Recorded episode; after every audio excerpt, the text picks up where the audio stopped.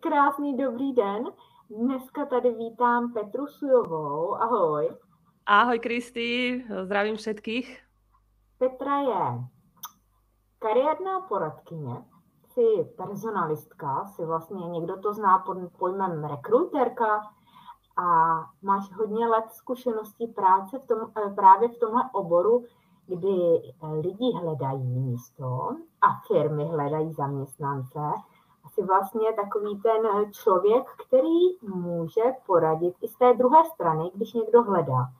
Teď je období, kdy plno lidí třeba mění práci nebo hledá a každá, každý typ nebo zkušenost nebo rada se jim hodí. Mm-hmm. Já tě tady ještě poprosím, řekni ještě trošku svými slovy, co teda děláš, protože nevím, jestli jsem to úplně řekla jasně a všechno, vím, že toho děláš víc, tak eh, tě jenom poprosím, představ se teď ještě ty trošku.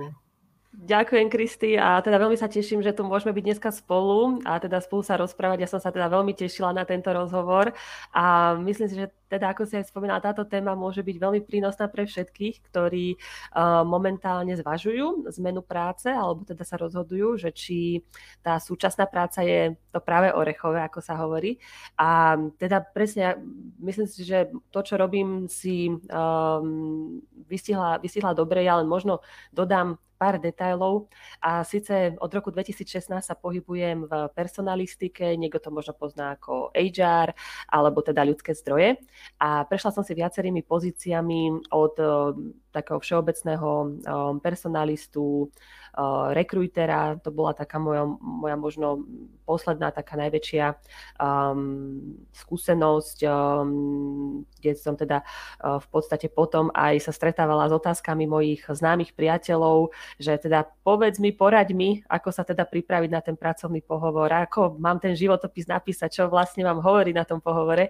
Takže Uh, aj takéto otázky z môjho okolia ma potom inšpirovali k tomu, že som uh, si založila blog, kde som zo začiatku začala zdieľať um, č- podobe článkov rôzne také rady, hej, základné, ako sa pripraviť na pohovor, čo všetko vlastne um, sa tam rieši. A postupne som sa dostala možno aj do, takej, do takých väčších hĺbok, čo ma teda teší. A um, začala som možno aj tak sprostredkovať uchádzačom pohľad firmy a firme pohľadu uchádzača, hej, že snažila som sa vniesť viacej takého akoby obojstranného porozumenia, lebo teda ja hovorím stále aj v, teda v tých mojich, na tom mojom blogu, uh, že teda ten pohovor je stretnutie rovnocenných partnerov, kde jeden hľadá, aj druhý hľadá v podstate a teda musí tam nastať nejaký, nejaký prienik. Takže dostávala som sa postupne aj k takýmto vlastne prípravám na pohovor, až teda aktuálne vlastne môj blog s Petrou na pracovnom pohovore a stránka www.petrasujová.sk vlastne tam môžu nájsť uchádzači jednak články, čiže vo forme blogu, um, e-booky, um, ktoré možno si ešte neskôr prejdeme a poskytujem teda aj konzultácie, aby teda vedeli uh, uchádzači v podstate napasovať na svoj konkrétny prípad uh, tú prípravu. Takže asi toľko o mne, Kristy. Já jenom doplním, že odkazy na tvůj web i na tvoje sítě na Facebook uh, jsou pod videem, takže diváci klikněte dolů a v těch informacích níže najdete. A můžete si přečíst i nějaké ty typy třeba na tom blogu, anebo se podívat, co vlastně, co všechno třeba by bylo pro vás to, co Petra nabízí. A já se teď zeptám, mění se to v tom čase, třeba co bylo, nevím, pět, před pěti lety, mění se to v tomhle v tom oboru, v tomhle tématu naším, třeba s tím covidem, tam velké změny, anebo cítíš, že to je jakoby hodně podobný pořád, že furt to je o tom hlavním, aby došlo k tomu vzájemnému win-win, mm-hmm. aby došlo k nějaké té spokojenosti na obou stranách. E, prolíná se tam nič to být upřímný, být Dobrá. pravdivý. Dobrý point. Mění se to nějak? Mm, môj názor alebo môj pohľad je, že nastáva akoby, ani nechcem to nazvať zmena, ale také prebudenie, alebo taká, akoby, že tí kandidáti, keď teda budem hovoriť najskôr o ich strane, tak si tak uvedomujú, že tá práca by mala dávať aj zmysel A v podstate ukázalo sa to aj či už v rámci toho covidu, alebo aj teda, myslím si, že pomaličku už aj skôr to prichádzalo, že ľudia primárne hľadajú zmysel. Ale nie každý to má takto rozklúčované, hej, že každý, alebo nie každý teda vie, že teda v tej práci chce nájsť toto, toto, ale cíti takú nejakú vnútornú nespokojnosť a nevie to možno popísať, že prečo mu tá súčasná práca vadí. A preto potom sa možno aj stáva, že ľudia menia prácu a v podstate zmenia len firmu, ale ostáva tá náplň práce rovnaká, čiže s tými istými problémami sa stretávajú. Takže um, toto by som možno tak povedala, že sú viacej takí osvietenejší, lebo jednak je aj viacej zdrojov a možno aj tie okolnosti tých predchádzajúcich rokov ako keby troška prekalibrovali tie hodnoty, ktoré ľudia majú. Pravda, že mm, nedá sa to na všetkých uh, zovšeobecniť, pretože stále ako tá práca je niečo, čo by nás malo uživiť v prvom rade a, a teda vo veľa prípadoch si myslím, že to je aj táto stránka je dôležitá. Ale určite ľudia minimálne sa snažia keď teda pracujem za tie peniaze, aby ma to aspoň bavilo. Čiže určite tam hľadajú aj tento rozmer a v tomto cítim, že sa, sa viacej ľudia akoby tak prebudzajú. Takže, takže áno. Potvrzuji, že to cítím já, že, je, že mi už mnoho let naspět přicházelo, že bych chtěla něco, co mi fakt jako by dává smysl a co mě baví. Takže jsem to hledala. A teď mm-hmm. jsem mhm. přemýšlela nad tím, i když jsem třeba v rámci jednoho zaměstnání přecházela na jiné oddělení, třeba po dvou, třech letech, tak jak to působí. Někdo mm-hmm. to vezme jakoby pozitivní, že chceš se učit něco nového, nebo chceš vyzkoušet, nebo chceš možná rozšířit ten svůj úhel mhm. pohledu a propojit všechno. Někdo si myslí, že třeba to může působit negativně, že jakoby střídáš a že nikde nevydržíš. A mnoho lidí opravdu jde za tím, co by bylo to, co by je fakt bavilo a ještě by je vlastně živilo. Ale mm-hmm. často tam jsou třeba protiklady, že nějaký uh, dream job, vysněná práce, není ale tak finančně placená, a pak na druhou stranu tam je hodně dobře finančně placená nějaká pozice, ale je to na úkor toho, že to není úplně tak naplňující, nebo že to je hodně, hodně časově náročný. A teď jakoby plno lidí má takovýhle mm. rozpor, jakou cestou jít. Ideálně, když se to najde a skloubí to všechno, ale v ideálním světě nežijeme. Tak. Takže taky se s tím setkává, že ti lidé jakoby by rádi něco, ale je to říkám to teď z vlastní zkušenosti, že mm. jsem chtěla využít své zkušenosti, ale uh, bylo by to skoro sedm dní v týdnu mm. a mhm. skoro by mě to neuživilo, ale bylo by to velmi zajímavé. Stretávam sa s tým, Kristi, presne ako hovoríš, eh, ľudia riešia, že teda si ísť za tým nejakým volaním toho srdca, poviem tak, a potom zase aj tá finančná stránka veci. Tu by som povedala, ale je, že dôležité si tak nejako reálne zhodnotiť, že aké má možno tie nadvezujúce podmienky doma, hej? Lebo nie každý, alebo môže byť, že niekto je v takej situácii, že tá finančná stránka ho až tak netrápi, že má povedzme nejaké pasívne príjmy alebo um, teda v rámci rodiny teda vedia, vedia ten príjem vykompenzovať. Čiže toto určite treba byť nohami na zemi a ako doporučujem tým kandidátom nemeniť nejakým spôsobom takto bezhlavo prácu, pretože ako to naozaj nemá dlhé trvanie potom, keď teda nám dochádzajú tie peniažky, čiže toto fakt o tej reality by som sa nerada vzdialila, ale teda stretávam sa s tým, že ľudia potom alebo, alebo klienti moji uh, riešia, že či ich to bude ako keby um, či to budú stíhať, hej, lebo presne ako si hovorila, že niektoré práce sú 7 dní v týždni, 24 mm, hodín denne, teda keď to tak nadnesiem, ale tam je preto dôležité si povedať, že aké mám ja možnosti, čo do tej práce chcem dať, že či chcem, aby tá práca um, naozaj bola viac ako teda ten súkromný život, že či možno v tom súkromnom živote ako keby mám už pokryté nejaké tie, mm, poviem tak,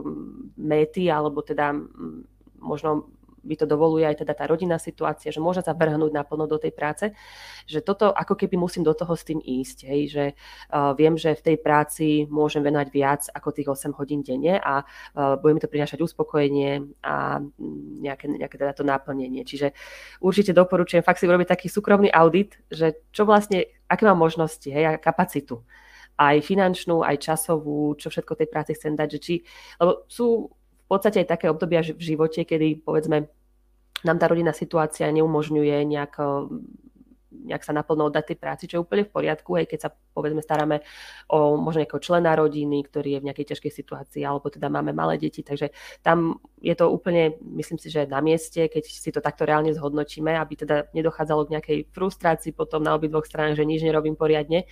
Ale um, doporučujem, však o tom sme sa aj možno pred týmto vysielaním bavili, že ako keby mať stále na pozadí, hej, že teda toto je možno taký dočasný stav a myslieť na ten ako keby budúci stav a nezabudnúť, hej, alebo stáva sa často, že veď ten čas letí rýchlo, hej, máme pondelok, zrazu je piatok a takto nám idú týždne, mesiace, um, ako keby nezastagnovať nad, v tom nejakom nastavení a stále proste udržiavať sa v takej poviem pohotovosti pracovnej, profesionálnej, pretože tam často sa krátce stáva to, že jednoducho tie vonkajšie faktory sa menia, technologický pokrok, niektoré pozície sú aktuálne dnes, v budúcnosti už nemusia byť.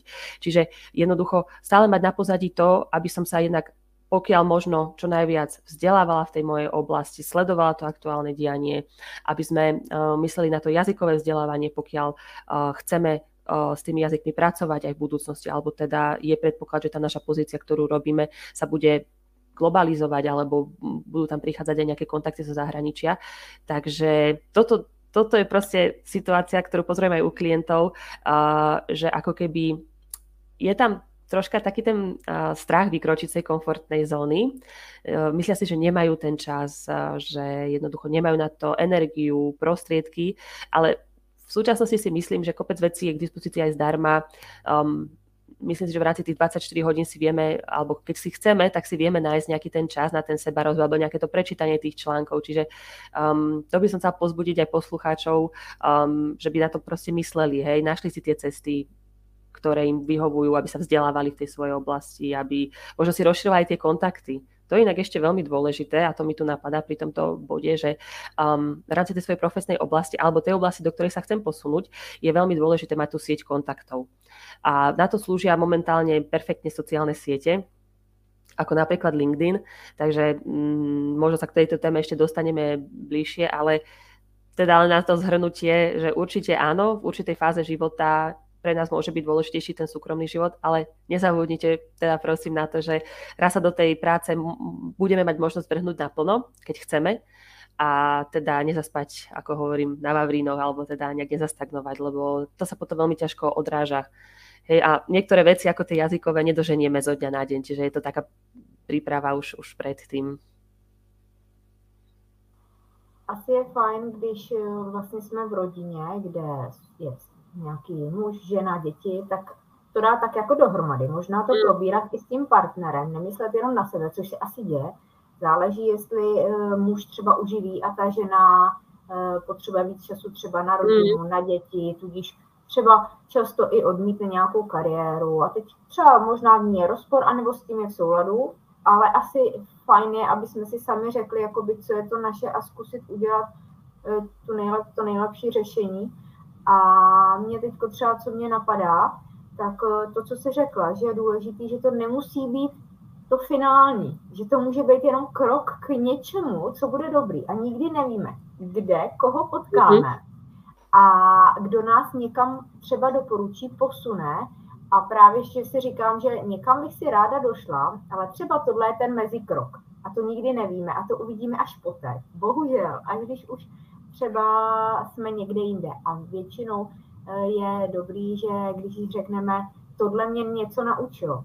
I když jsme mm-hmm. na mhm. pozici, která nás třeba jako úplně netěší, nenaplňuje, tak si najít na tom asi to dobrý a zjistit, v tomhle s tom jsem dobrá a teď si podle toho hledat třeba jinou pozici, kde se to využije, kde opravdu, mhm. i když nebude úplně všechno OK, ale že třeba organizační schopnosti nebo pohotovost spontánnost, takový ty, když je trošku něco jakoby stresujícího a umíme na to jakoby dobře spontánně reagovat, tak to mm-hmm. může být více pozit. A jako zkusit si to, protože eh, než pak říkat, že litovat, že jsme to neskusili, když přijde šance. A ještě být otevřený, že když přicházejí šance, tak jako si to promyslet, neříkat třeba rovnou ne, protože vždycky mm-hmm. se může najít cesta, jak to třeba nějak udělat, skloubit, a nebo jak si říct trošku jiný podmínky, na který třeba ten zaměstnavatel pak přistoupí. Nebát se asi jako i, i říkat jako třeba tolik času na to nemám. A on třeba řekne, no tak to uděláme třeba jenom nějaký částečný nebo poloviční úvazek, protože těch, život, v těch um, nabídkách třeba na těch portálech práce je sice něco uvedeno, ale ta realita mhm. nakonec mm-hmm. je na dohodě těch dvou stran, je to tak? Určite perfektné body spomínaš, mňa k ním napadá strašne veľa vecí, ale presne v tých inzerátoch, um, k tým inzerátom to je veľmi dobrá téma a um, je pomenovaná zväčša taká tá ideálna predstava toho zamestnávateľa, čo by chcel za ideálnych okolností. Avšak teda vieme, že nežijeme vôbec v ideálnom svete ani v ideálnych podmienkach v žiadnej oblasti, čiže to možno teraz sprostredkujem ten pohľad zo strany zamestnávateľa, že on vo finále naozaj veľmi zriedka nájde presne toho kandidáta, ktorého hľadá. A um, väčšinou sa deje na pozadí aj také niečo, že um, keď je treba nejaká, nejaký výber tých kandidátov, teda že sa hlásime na pozície a sme teda viacerí uh, v tej skupine, tak um, aj prehodnocuje ten zamestnávateľ, že aha, že u tohto v podstate som našiel teraz nejakú silnú schopnosť, ktorú využijem v týme, keď treba už nejakému existujúcemu kolegovi túto kompetenciu treba odoberiem, hej, dám mu niečo iné, že dochádza tam aj k takémuto preskupovaniu. Takže fakt to nie je nejaká definitíva a toto určite ako mm, chcem, aby teda chcem pozbudiť tých, čo nás počúvajú, že um, naozaj nech, nech skúsia, hej. Um, ono sa tak hovorí, že uh, väčšinou my ženy reagujeme na inzerát až vtedy, keď splňame 100% tých kritérií, a muži vraj 60%, takže sme na seba určite náročnejšie, alebo možno sa tak bojíme postaviť za seba, lebo presne ako si aj, aj spomínala, ako mm, ono v tom reálnom živote, ako sú veci, ktoré ako nás bavia viac, niektoré menej, niektoré sa vieme naučiť, niektoré v podstate sú už v nás. A, presne počas tých nejakých predchádzajúcich skúseností um, sa málo kedy máme možnosť pozastaviť a nejak zreflektovať to, čo nám ide s ľahkosťou. Hej? To, čo naopak nás treba znebaví a vynakladáme na to veľké úsilie oproti iným, Takže toto ja radím aj mojim klientom, aby um, sa už teda, väčšinou to riešime v tej fáze, keď uh, teda hľadajú tú prácu, ale ideálne je uh, si na báze každodennosti všímať, čo nám ide, hej takéto, také, také, takéto zastavenie sa v prítomnosti, aj keď viem, že nie je to ľahké, hej, ešte popri tých všetkých povinnostiach e, sa čo len na minútu, dve zastaviť a zreflektovať. Ale presne všímať si, že čo vám ide s ľahkosťou, či už sú to, ako si spomínala, tie organizačné schopnosti. To sa veľmi napríklad podceňuje táto schopnosť, lebo keď ju máme a vieme si zorganizovať veci, tak to vnímame zrazu ako, že však na tom nič nie je, hej, že to vôbec nie je, nie je nič ťažké, takže to nevnímame ako nejakú našu super schopnosť, ale napríklad niekomu inému to môže spôsobovať, ako enormne sa musí snažiť, aby teda um, nás v tomto smere dobehol alebo by podal rovnocenný výkon. Čiže tieto jemné zručnosti, teda meké zručnosti, soft skills, sú, povedal by som, na úrovni tých hard skills. Hej. To môže byť napríklad, že viem čo ja viem, účtovníctvo, hej, viem písať nástroje alebo takéto nejaké veci. A, a tie soft skills, kde patrí či už tá empatia, komunikačné zručnosti, presne takéto organizačné schopnosti, to chcem pozbudiť určite uh, všetkých, aby aj na toto mysleli, že to je silná stránka. Takže, ale musíme o tom vedieť presne, že čo, aký sme, čo nás baví. A tu aj tak chcem povedať, že uh, prvé, čo nás napadne napríklad na tom pohovore, keď sa nás opýtajú na silné a slabé stránky, tak sú tie slabé, hej, že čo nám nejde, čo nevieme, čo vedia ostatní o mnoho lepšie ako, ako my.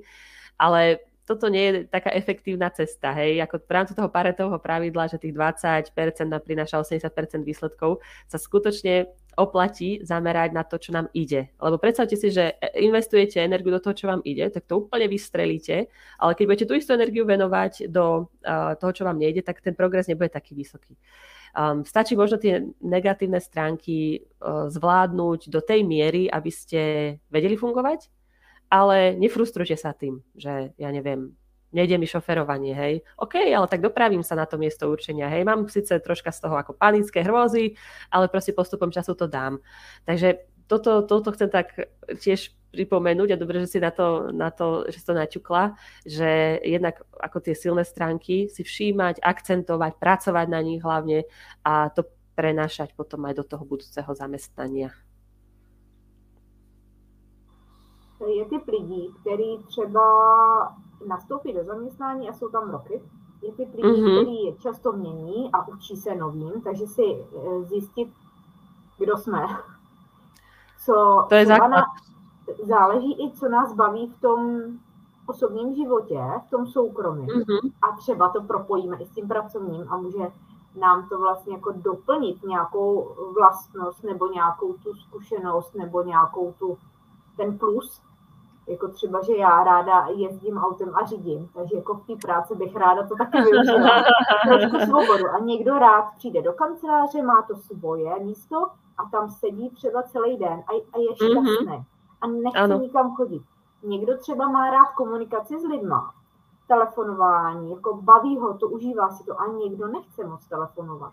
Takže to jsou takové maličkosti, který, který, na který asi koukat a teď mě napadá, skoro všude chtějí jazyky. Nejsme všichni zdatní. Většinou teď je to angličtina. A mm. já jsem se teď začala velmi intenzivně zase jako dostávat do jazyků, takže si pouštím, co jde v Němčině, v angličtině a dokonce to děláme i s dcerou. Že máme mm-hmm. na YouTube super uh, kluka, který vlastně předává svoje zkušenosti a i dceru to baví. Takže to propojit třeba i s těma dětma, protože máme děti většinou všichni, ty děti se ty jazyky učí, mnoho rodičů jim nedokáže poradit, že to neumí, ale můžou mm-hmm. se to učit s nimi, takže se uh, propojí příjemný s užitečným. Mně se tady trošku zahřívá počítač, asi to hučí, doufám, že to není tolik slyšet, ale teď to, co mě napadá, um, že co jsem slyšela, že plno lidí zapomíná, co dělá v tom uh, soukromém životě a že to nezmíní a že to dokresluje tu tu osobnost toho člověka vlastně, když třeba se představuje na tom pohovoru. Mm-hmm. Ono, mm, toto ešte zareagujem na to, čo si spomínala, čo sa týka toho spájania uh, toho učenia sa s tými deťmi, lebo sa mi to veľmi páči. A to je proste úplne efektívny spôsob dva v jednom, hej, že vybavím aj teda to učenie toho dieťaťa a uh, zároveň sa učím aj ja. Čiže toto je presne o tom, že ako keby vyhľadávam tie príležitosti, ktoré posunú aj mňa ale teda pripojím sa k niekomu, kde už vlastne tak či tak by som musel realizovať takéto niečo. Čiže presne mám stále tak na pamäti, že aha, že toto by som mohol alebo mohla využiť a presne tie jazyky, to ich ovládanie rozšíri kandidátom jednoznačne možností na tom trhu práce. Pretože mm, jasne sú menšie firmy, ktoré treba nekomunikujú s tým zahraničím, ale um, je to je ich ako menej, povedal by som, hej, že v tých takých väčších firmách, možno aj nadnárodných, je už tá angličtina nevyhnutnosťou.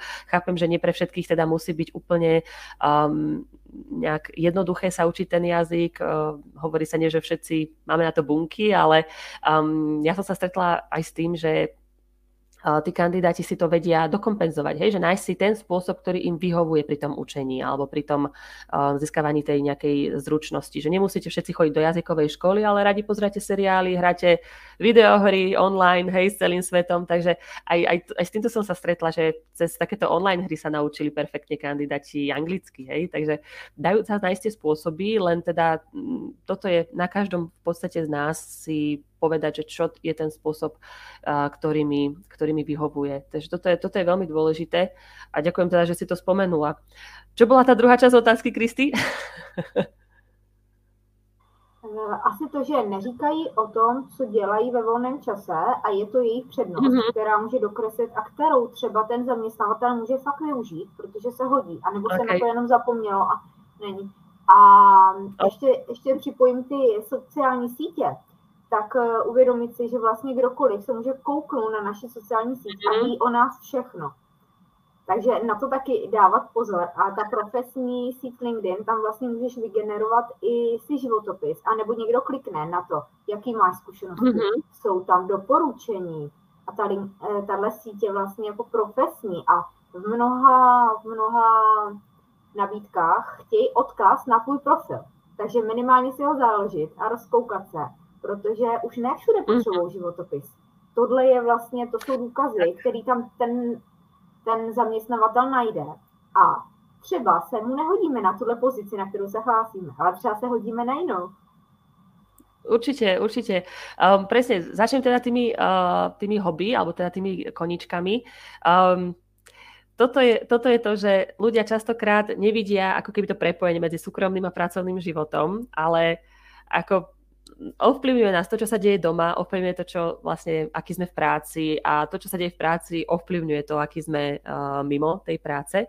A uh, veľa, veľa kandidátov a kandidátok um, práve um, rieši, že či robiť to, čo ma baví, aj vtedy, že to mám ako hobby, že či si hľadať takú podobnú prácu lebo boja sa alebo obávajú sa toho, že ako keby už potom to hobby nebude hobby, hej, že nejako stratím teda motiváciu preto. Takže tu chcem len povedať, že žiadna cesta nie je správna ani nesprávna. Um, a aj napríklad, keď sa tí kandidáti rozhodnú, že akceptujú jednu ponuku a neakceptujú druhú, ty si to aj super spomenula, že každá cesta nás niekam dovedie, čiže um, tu možno fakt ako nejak nebáť sa toho, tie príležitosti prichádzajú aj odchádzajú, ale teda znova prichádzajú, takže um, treba byť len otvorený a um, ono to prichádza, s každou príležitosťou prichádzajú možnosti, noví ľudia, hej, nové uh, kontakty.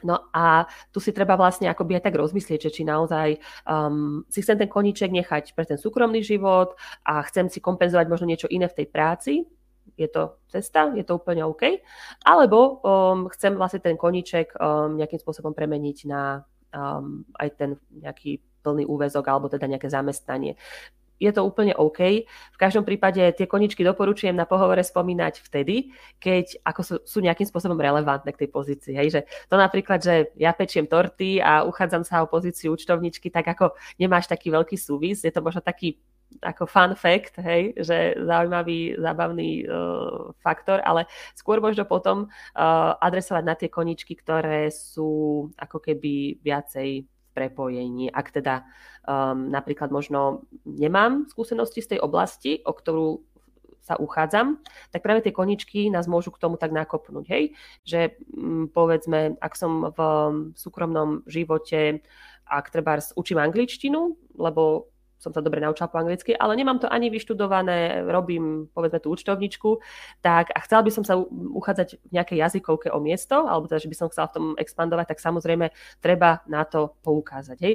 Alebo som nejaký vášnivý cestovateľ, mám svoj cestovateľský blog, uh, vo, v pracovnom živote pracujem ako kvalitár v nejakej výrobnej e, firme alebo robím v banke a chcem teda sa naplno zametať nejaké cestovke, tak samozrejme to hobby je myslím si, že najviac, lebo tam práve aj v tom hobby ten zamestnateľ vidí takúto našu vášeň, hej, že, že preto. Čiže určite dá sa, to, dá sa to aj použiť. Ale naopak môže aj teda taký, um, ja neviem, hypotekárny poradca robiť hypotekárneho poradcu v práci 8 hodín a potom môže cestovať. Čiže aj to je, žiadna cesta nie je zlá. Takže závisí na nás, ako to cítime, čo vlastne chceme, kde kompenzovať, či to chceme mať oddelené. Takže v tomto smere naozaj nie, nie sú nejaké, nejaké obmedzenia. A čo sa týka tých sociálnych sietí, veľká pravda, aj keď eh, tu zase za zamestnávateľov musím povedať, že to také googlovanie alebo hľadanie kandidátov na Facebooku nemusí byť vždy šťastné aj pre nich, nakoľko vieme, že v súčasnosti Petrov Novákov, eh, Michalov Balažov je ako naozaj veľké množstvo, čiže málo kedy sa stane, že sa trafíme do toho správneho, ale ako tu určite, keď sme v tom procese hľadania si práce, prejdite si tie sociálne siete, či tam nie je niečo zverejnené verejne, čo by ste nechceli, aby videl potenciálny zamestnávateľ, upraviť si fotografiu, či už tú titulnú alebo alebo tú portrétnu profilovú. Takže toto určite doporučujem. No a ten LinkedIn je super. Um, Isté nie pre každú pozíciu, poviem tak. Um, napríklad na tom LinkedIn sú, sú skôr také akoby ofisové profesie, uh, avšak dá sa cez to nájsť aj zvárač, hej, aj, aj, aj, aj nejakým spôsobom iné pozície, ale ako nemusí ho mať každý, to zase by som nechcela tlačiť nejako na tých kandidátov, ale pokiaľ chcete preniknúť do takého sveta tých pozícií, ktoré tam sú, tak určite dobre si ten profil založiť, pretože tam sa veľmi ľahko dostanete k, ku komukolvek poslaním jednoduchého, eh, jednoduchej pozvánky alebo teda žiadosti o prepojenie.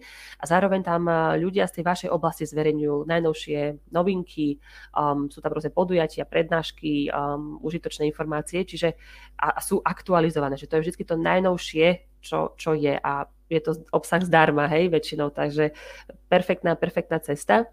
A skvelý nástroj na prezentáciu, kde môžete navyše vy ako kandidát sa vlastne prezentovať, ako že si hľadáte prácu. Čiže um, je to taký self-branding, hej, uh, seba propagácia, takže toto, toto určite doporučujem u tých pozícií, kde to samozrejme dáva, dáva zmysel. Asi ne úplně dělníci by si zakládali profil, protože možná ani moc mm, si nerozumí s počítačem nebo na něm nejsou, ale ti, co pracují vlastně na počítači a mají sítě a fungují, tak jako to je fajn. Tak, a teď, tak, tak. Mě, teď mě zajímá, když uh, by někdo šel na pracovní pohovor, já vím, že jsou offline, ale že už jsou i online. A to je jedno. Mm-hmm. Jde o to, uh, co třeba ty si vypozorovala, že si uh, lidé neuvědomují a hodně to může ovlivnit to rozhodování, uh, třeba na co jakoby myslet. A teď mm-hmm. je plno úhlu pohledu. Myslet, jak se obléknout, myslet, já nevím, jak uh, působit jako, jestli méně mluvit nebo víc mluvit, mm-hmm. jestli působit jako a vychválit se všechny ty zkušenosti a víc jakoby se nabízet, anebo víc čekat a na otázky a zodpovídat. Takový ty různé niance, které si normálně neuvědomujeme. A když jdeme k pohovoru, tak jsme často ve stresu. A pak eh, ne všechno je důležité, co, co řekneme, ale jak vyzařujeme a jak působíme. A ti profesionálové, kteří vlastně eh, denodenně mají pohovory s plno kandidáty, tak vlastně koukají na takové věci, které bychom si vůbec neuvědomili. Takže co bys doporučila, nebo co lidé dělají jako za chyby? No fú, tak toto je oblasť, o ktorej viem rozprávať hodiny, ale skúsim uh, vypichnúť uh, v podstate nejaké základné veci, plus keby teda si chceli uh, posluchači alebo diváci pozrieť viac, tak kľudne navštívte moje stránky.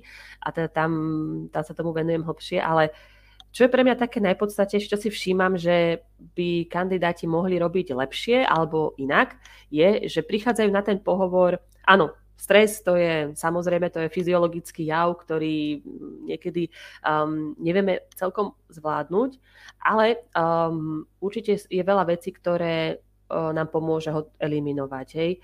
A um, jednak keď už také nejaké iba jednoduché veci alebo také tie základné spomeniem, tak uh, samozrejme eliminovať nejakým spôsobom zo začiatku um, faktory, ktoré by nás mohli stresovať ten daný deň, keď máme pohovor. Čiže um, skontrolujem si, že či mi funguje auto ráno, hej, keď idem na pohovor, či mám pripravené oblečenie. A takéto, ako naozaj toto vnímam ako taký základ. Um, naozaj ten pohovor by mal byť ten highlight toho dňa, hej, čiže veľa kandidátov si odskočí z práce hej, na ten pohovor, um, častokrát ako nemyslia vôbec na e, nič okolo toho, len teda fyzicky, aby tam boli. Ale potom v podstate je to pre nich veľmi stresujúce, lebo teda prídu úplne nepripravení a teraz nevedia, ako reagovať čo. A teda toto je možno úplne také, také gro. A mm, vnímam to v takých dvoch rovinách, takéto psychické nastavenie a potom tá um, akoby faktografická stránka, tá obsahová. A síce fakt ten pohovor, ako som už aj naznačila v úvode, je stretnutie rovnocenných partnerov, kde ja ako kandidát ponúkam veľmi cennú komoditu a to je moja, moje, moje skúsenosti, môj pracovný výkon a tá firma hľada hej, ten, ten pracovný uh, výkon alebo teda tú, toho človeka, čo bude vykonávať nejakú činnosť. Takže toto keď si kandidáti uvedomia, tak ako myslím si, že vie to vniesť tak veľa takého pokoja a zároveň um, ešte k tomu psychickému nastaveniu poviem, že je veľmi dôležité ako keby aj ten pohovor vnímať ako takú príležitosť dozvedieť sa o tom, kde ja môžem proste sa rozvíjať, že, že toto je pre mňa nové miesto, kde začnem ja pracovať o nejaký čas možno a kde proste si budem naplňať nejaké svoje potreby. Hej, že ako takú pozitívnu vec, aby to vnímali, ako takú fakt príležitosť pozrieť sa, zoznámiť sa s tými ľuďmi, dozvedieť sa, že, že ako skôr z takéhoto pohľadu, ako naopak keď to vnímajú ako takú ako keby nejakú situáciu, kde, ako maturitu alebo niečo podobné, kde uh, sa ma pýtajú otázky a musím to len prežiť, hej, že, že toto by som fakt doporučala každému zmeniť tú, ten uhol pohľadu ako na príležitosť, nie ako na, na nejakú stresujúcu, uh, stresujúci výsluch, hej, lebo aj teda ja sa tam idem dozvedieť nejaké informácie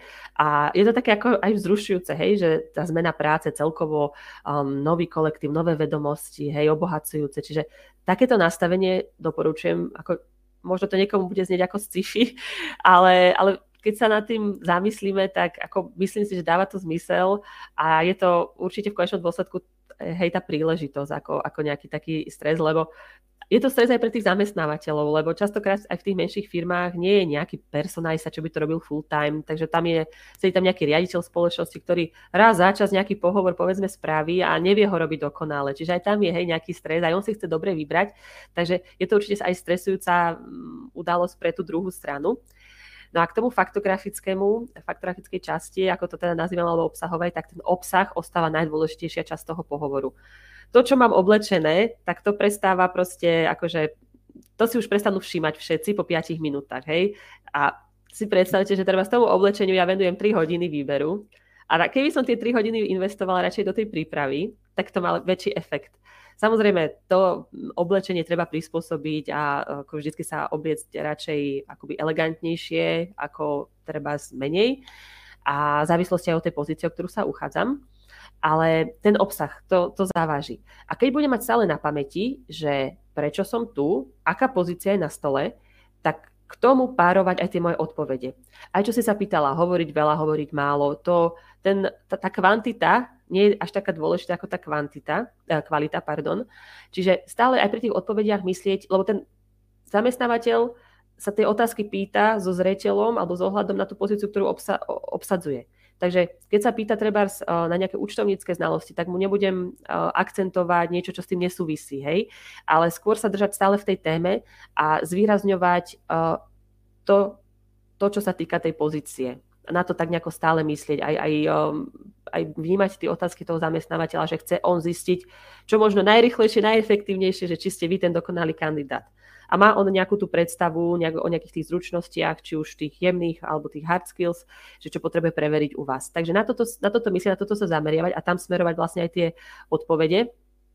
A myslím si, že keď na toto budú tí kandidáti myslieť, tak potom aj uh, si ľahšie ako keby urobia tú prípravu dopredu, hej, a nebudú takí stratení, lebo budú vedieť, že aha, toto sa ma pýtaš preto, lebo to je, je to súčasťou tej pozície. OK, robila som niečo také v minulosti, ak som nerobila v tej práci, tak ja neviem, vo voľnom čase mám s tým skúsenosti. Čiže akoby párovať neustále to, čo mám ja, a s týmto, čo chce ten zamestnávateľ, hej.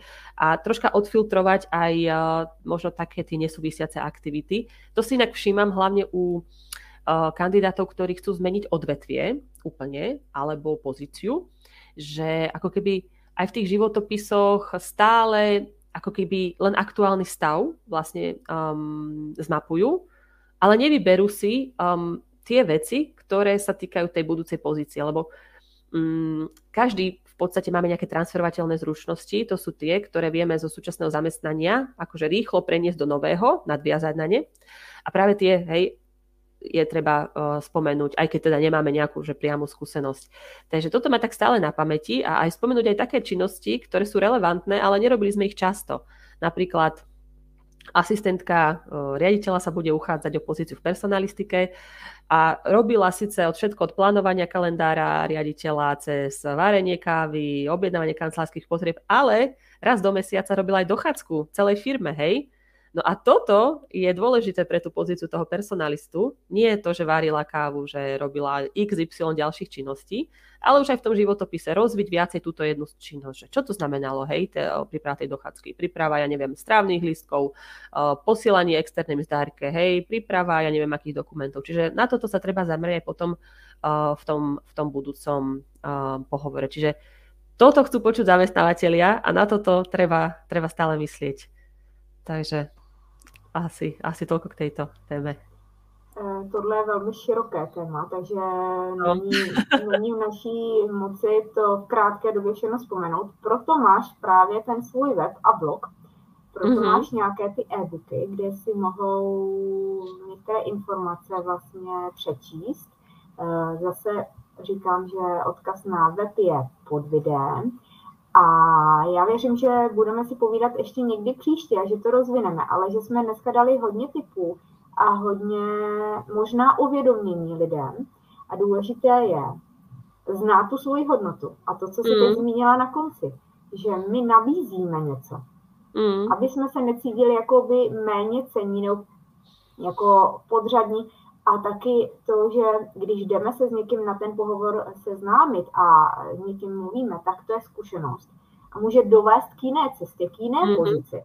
A nebo to je jenom zkušenost pro další třeba pohovor a něco je, když o to místo fakt stojíme a nemáme jiný, ale další je, když máme na výběr a mm-hmm. když mhm. jsme otevření, tak nejsme tak ve stresu.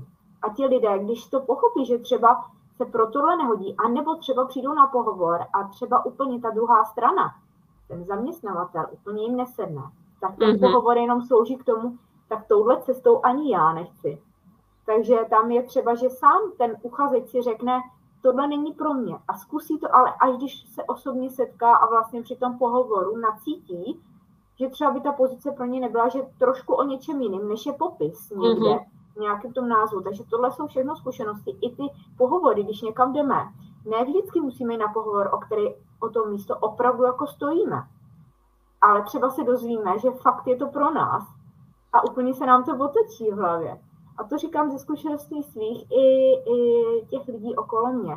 A já ještě se zeptám na závěr. Chceš něco říct, popřát třeba Eh, lidem, kteří hledají. Jim něco ještě na konci říct, třeba pro nový, do nového roku, co třeba můžou udělat trošku jinak, nebo nad čím se zamyslet?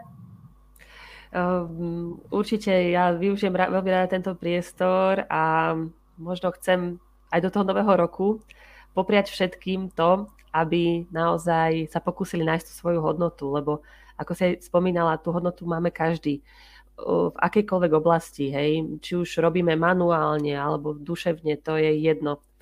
Každý má tú svoju hodnotu pre tú svoju oblasť a častokrát si to neuvedomujeme a podceňujeme sa. Čiže um, ja by som prijala všetkým, aby sa im podarilo teda nájsť takúto hodnotu, pretože uh, naozaj všetci ju majú. Aj všetci tí moji klienti, s ktorými sa stretávam, riešime viac menej to isté, hej, objaviť tú svoju hodnotu, um, zvýšiť to takéto sebavedomie v tejto oblasti a to si myslím, že je veľmi príjemné uh, takéto niečo nájsť, lebo ono to má potom presah, hej, Nesú, nesúvisí to len s prácou, ale potom aj so všetkými oblastiami života, keď teda nájdeme to, um, v čom sa, si ja vážim seba, v čom som, um, v čom si myslím alebo viem, že som dobrá, tak uh, potom vstúpa aj tá naša spokojnosť uh, so životom ako takým. Čiže toto by som ja všetkým prijala, teda aby, aby našli. Uh, tých vecí určite je o mnoho viacej, čo by som mohla prijať, ale teda ak by som mala vybrať túto jednu, tak, tak určite nájsť tú spokojnosť a hodnotu so sebou. Já děkuji za tohle, to, co předáváš dál a děkuji za ty tvoje typy, které jsou, myslím, pro mnoho lidí nyní velmi cené. A přeju ti, ať i ty znáš, vidíš tu svoji hodnotu a využíváš ty zkušenosti a pomáháš lidem, kteří třeba díky tobě mohou, mohou dojít k té vysněné práci nebo pozici.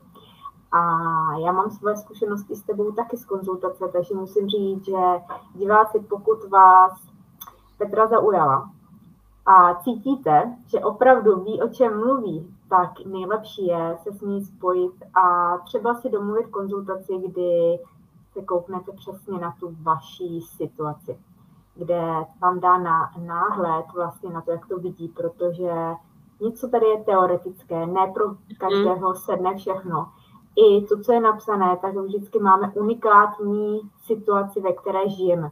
Takže individuálně je asi to nejlepší. A myslím si, že to může být velmi cené a dovést to k něčemu, co vás může do budoucna bavit, živit a může to být radostí.